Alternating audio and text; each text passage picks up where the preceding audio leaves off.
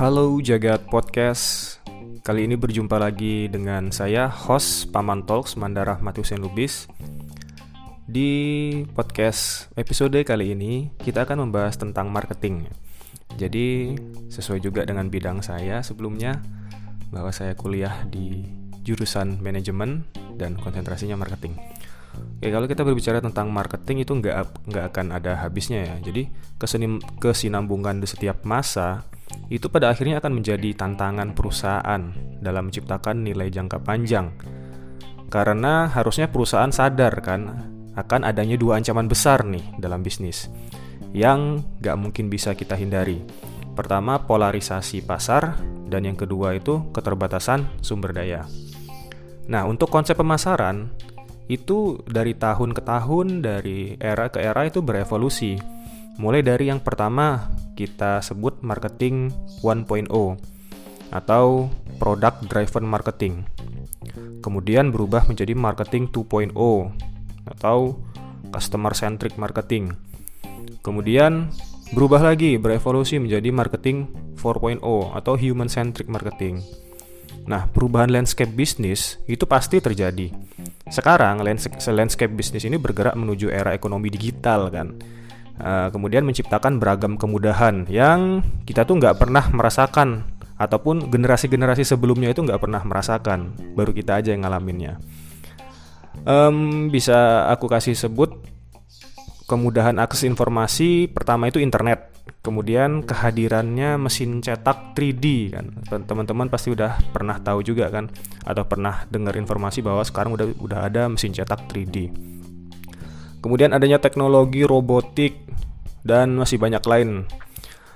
Uh, aku yakin juga teman-teman punya contoh lain tentang perubahan era marketing yang disebabkan oleh teknologi. Nah, di lain sisi ini teknologi menjadi momok kan bagi masyarakat.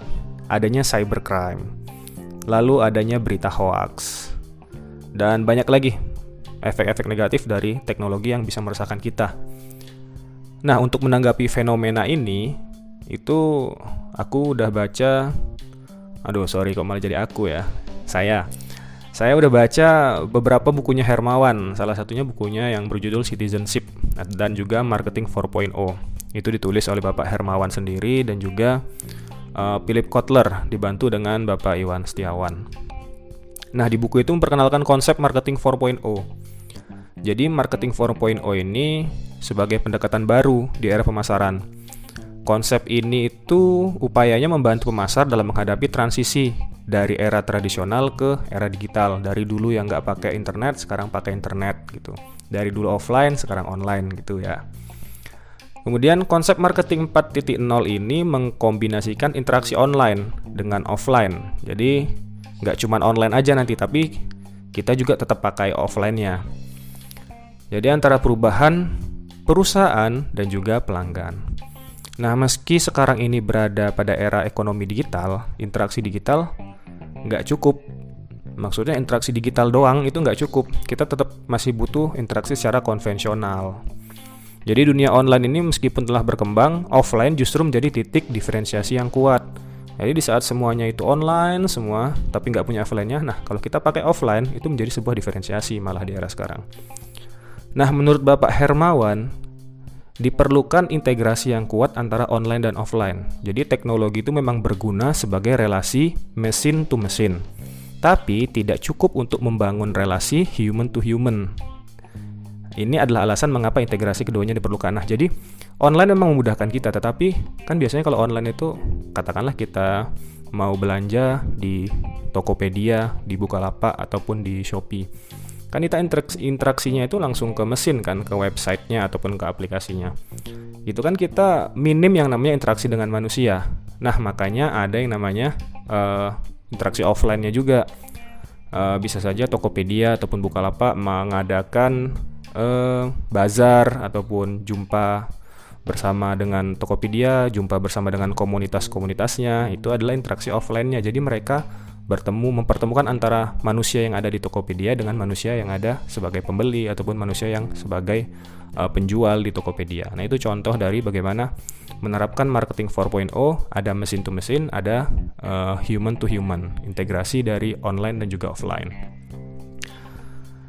Tapi nggak hanya online dan offline juga ya yang perlu diintegrasikan. Jadi di dalam konsep marketing 4.0 ini pandangannya harus ada integrasi antara style dan substance. Jadi gaya dengan substansinya. Brand itu atau merek itu tidak bisa sekedar mengedepankan branding yang bagus, ya. Menarik nih. Tapi juga konten yang dikemas up to date dan relevan dengan pelanggan. Konektivitas mesin to mesin dengan AI atau artificial intelligence yang diambang dengan konektivitas human to human juga dibutuhkan dalam upaya mendorong produktivitas yang memiliki customer engagement yang kuat. Nah, itu mengenai marketing 4.0. Perlu kita catat juga bahwa ada yang namanya customer path. Kita sebagai customer ini ada alurnya nih dalam membeli sebuah barang ataupun dalam menyukai sebuah barang. Kalau dulu itu customer path-nya ada empat. Ada empat kalau sekarang customer, customer path-nya tahapannya sekarang ada 5. Kalau dulu itu pertamanya aware, sadar ya, kemudian attitude, act, act again atau beli lagi. Aware itu sadar kan, pertama tahapan pertama sadar. Kita sadar ada sebuah produk yang mereknya um, Xiaomi katakanlah. Kemudian attitude, attitude tuh kita antara suka atau tidak. Wah, mulai tertarik nih suka yang namanya produk Xiaomi. Suka nih udah habis itu ada act karena suka, dia act, melakukan sesuatu kan aksi, membeli aksinya. Setelah membeli, karena memang sudah tertarik dengan Xiaomi, ya act again, beli lagi. Nah, itu uh, tahapan customer pet yang dulu. Tapi sekarang sudah ditambah atau sudah berevolusi juga customer petnya menjadi 5A. Yang pertama aware, sadar, kemudian appeal, tertarik, ask. Nah, kan dulu nggak ada ask nih, sekarang udah ada ask. Ask itu apa? Ask itu bertanya mau tanya sama temen, mau tanya sama datang langsung ke tokonya, tanya ke yang jual, kemudian mau tanya di internet juga bisa, atau mau mencari review di internet. Bahkan kita mencari review di YouTube, kan banyak tuh review-review elektronik, ataupun review-review barang, review-review makanan di Instagram, di YouTube. Itu termasuk kita dalam proses ask. Masuk ke tahap selanjutnya yaitu act. Udah yakin nih kita sama barangnya, udah lihat review, kemudian kita act, kita beli Apakah cukup sampai di situ? Ternyata enggak. Ternyata ada tahapan yang lebih tinggi lagi namanya advocate. Advocate itu pembela. Atau kita membeli suatu barang, kemudian kita bela. Kenapa? Karena kita yakin ini barangnya bagus. Ketika orang ada yang mengolok-olok barang tersebut atau brand tersebut, kita ngerasa nggak suka nih, akhirnya kita bela. Karena kenapa kita bela? Karena kita yang sudah merasakan fitur-fitur dari brand tersebut. Katakanlah kamu menyukai produk dari brand Xiaomi, sementara ada orang yang nggak suka sama brand Xiaomi, katanya HP Cina ataupun HP yang kurang bagus fiturnya. Nah, kamu nggak setuju karena kamu sudah membelinya, karena kamu sudah memakainya, kamu sudah tahu karakter bagaimana Xiaomi itu. Nah, di situlah proses advocate, kamu membela, kamu bilang bahwa Xiaomi itu nggak seperti itu, bahwa kamu tuh udah coba, kamu udah pakai selama bertahun-tahun, selama berbulan-bulan, bahwa kamu puas dengan Xiaomi. Artinya Xiaomi itu nggak seperti apa yang mereka bilang. Itu namanya advocate, membela brand yang kamu beli. Nah, semakin berkembangnya zaman, semakin berkembangnya proses dalam tahapan-tahapan membeli sebuah barang dan juga melihat sebuah barang.